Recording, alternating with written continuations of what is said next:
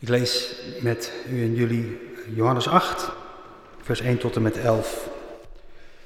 Jezus ging naar de Olijfberg en vroeg in de morgen was hij weer in de tempel. Het hele volk kwam naar hem toe. Hij ging zitten en gaf hun onderricht. Toen brachten de schriftgeleerden en de fariseeën een vrouw bij hem die op overspel betrapt was. Ze zetten haar in het midden en zeiden tegen Jezus: Meester, deze vrouw is op heterdaad betrapt toen ze overspel pleegde. Mozes draagt ons in de wet op zulke vrouwen te stenigen. Wat vindt u daarvan? Dit zeiden ze om hem op de proef te stellen, om te zien of ze hem konden aanklagen. Jezus bukte zich en schreef met zijn vinger op de grond. Toen ze bleven aandringen, richtte hij zich op en zei: Wie van jullie zonder zonde is, laat die als eerste een steen naar haar werpen. Hij bukte zich weer en schreef op de grond. Toen ze dat hoorden, gingen ze weg, één voor één. De oudsten het eerst. En ze lieten hem alleen met de vrouw die in het midden stond. Jezus richtte zich op en vroeg haar: Waar zijn ze? Heeft niemand u veroordeeld? Niemand, Heer, zei ze. Ik veroordeel u ook niet, zei Jezus. Ga naar huis en zondig vanaf nu niet meer. Wat kunnen wij als mensen ongenadig hard zijn voor elkaar?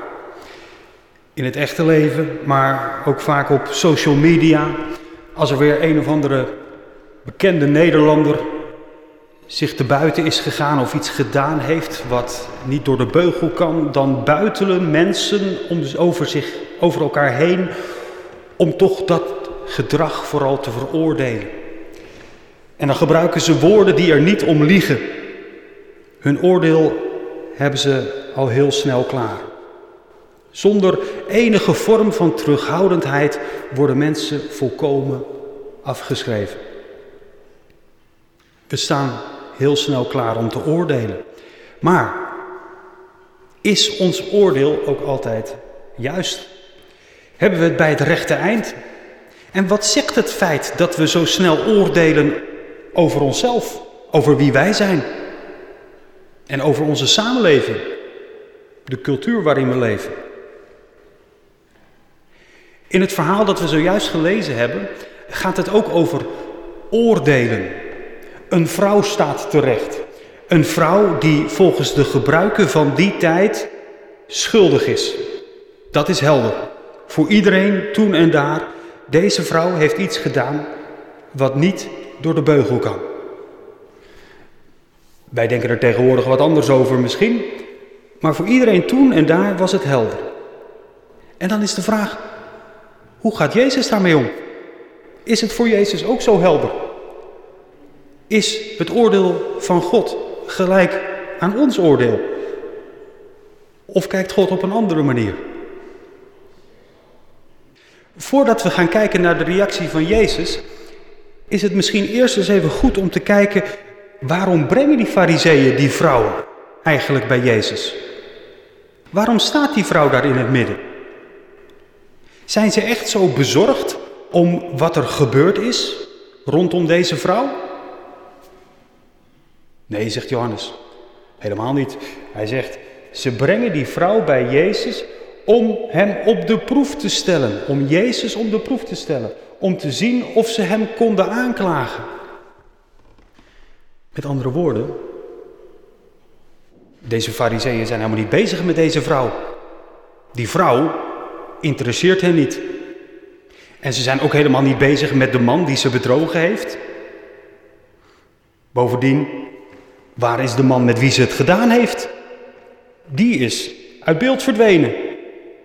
Met andere woorden, deze vrouwen hebben, of deze fariseeën hebben helemaal geen hart voor deze vrouw. Deze fariseeën en schriftgeleerden zijn erop uit om Jezus onderuit te halen. Daarom wordt die vrouw voor de bus gegooid.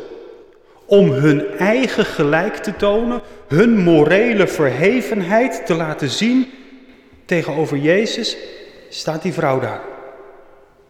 Om te laten zien, bij ons is moreel en moraal en recht in de goede handen. Bij Jezus niet.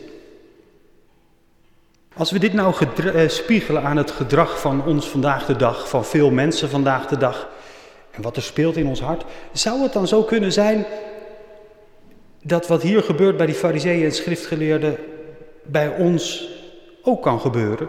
Dat we onze veroordeling vaak uitspreken en laten merken richting anderen, om toch vooral te laten zien dat het bij ons wel goed zit. Dat bij ons de moraal wel op de juiste plek zit. Zijn we, als we onze verontwaardiging uitspreken over het gedrag van een ander, ook echt bewogen om de slachtoffers en om de daders? Of zijn we vooral bezig met ons eigen gelijk? Met wat mensen van ons vinden? Voor Jezus is het helder. Jezus gaat niet op de vragen van deze fariseeën en schriftgeleerden in. Hij bukt zich en hij schrijft in het zand. Wat hij geschreven heeft, weten we niet. Waarom hij dat deed, weten we ook niet. Johannes zegt er niets over. Maar het straalt wel iets uit van: ik luister niet naar jullie. Pas als ze aandringen, is Jezus bereid om te zeggen wat hij ervan vindt. En dan zegt hij die woorden: Wie zonder zonde is, laat die de eerste steen werpen. En hij bukt zich weer. En daar staan ze dan. Ik stel me zo voor dat ze in een kring staan, dat ze al de stenen in de hand hebben, dat ze een beetje die stenen op en neer gooien, een beetje uitdagend. Maar met dat woord, Jezus die woorden spreekt, laten ze die woorden op zichzelf inwerken. Wie zonder zonde is, werpen de eerste steen. Denken ze erover na, ze kijken elkaar aan, de een de ander. De jongeren kijken naar de ouderen, wat doen zij? Die nemen altijd het voortouw. En dan komt bij de oudste besef, wie zonder zonde is, werpen de eerste steen. Ja, ik, dan kan ik die steen niet gooien. Dan, dan kan ik niet zomaar doen alsof het bij mij allemaal goed zit. Want bij mij zit het ook niet goed. En de steen valt uit zijn hand en hij loopt weg. En met dat hij wegloopt, loopt de volgende ook weg. En de volgende en zo druipen ze één voor één allemaal af. Briljant van Jezus.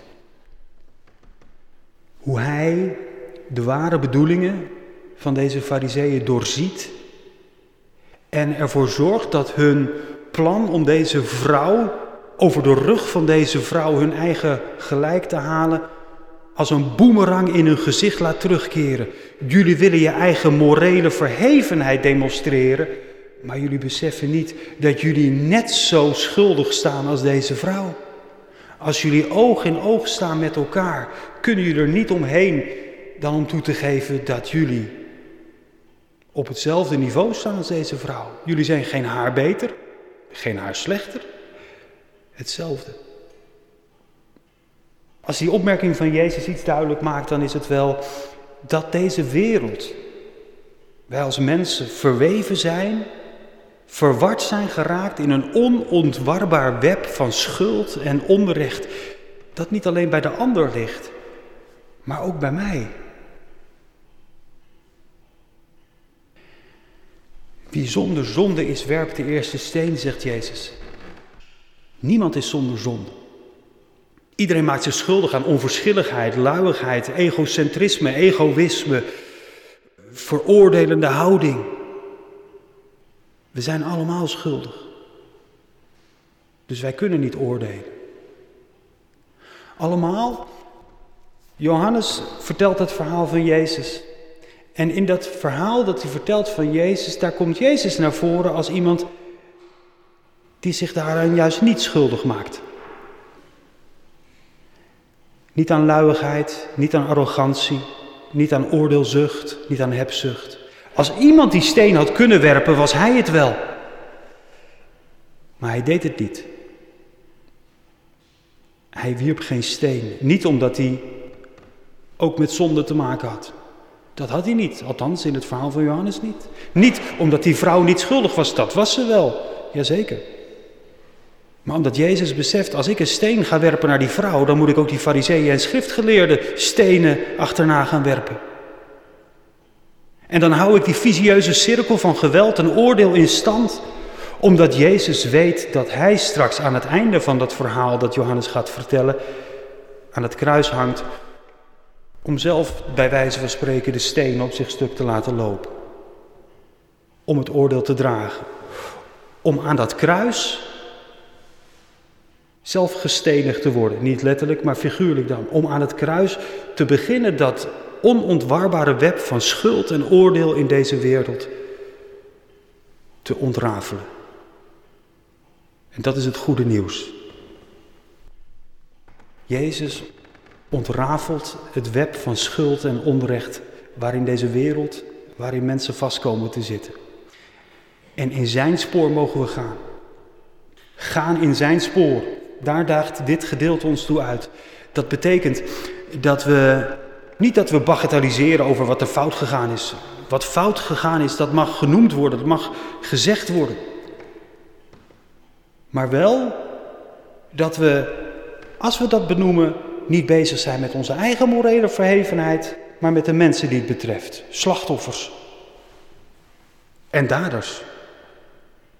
Volgend in Jezus spoor gaan betekent dat we als we bezig gaan met schuld en onrecht, dat we niet cynisch worden en zeggen het wordt toch nooit wat, maar altijd hoopvol. In de wetenschap dat God in Jezus Christus dat web van schuld en onrecht aan het ontwarren is.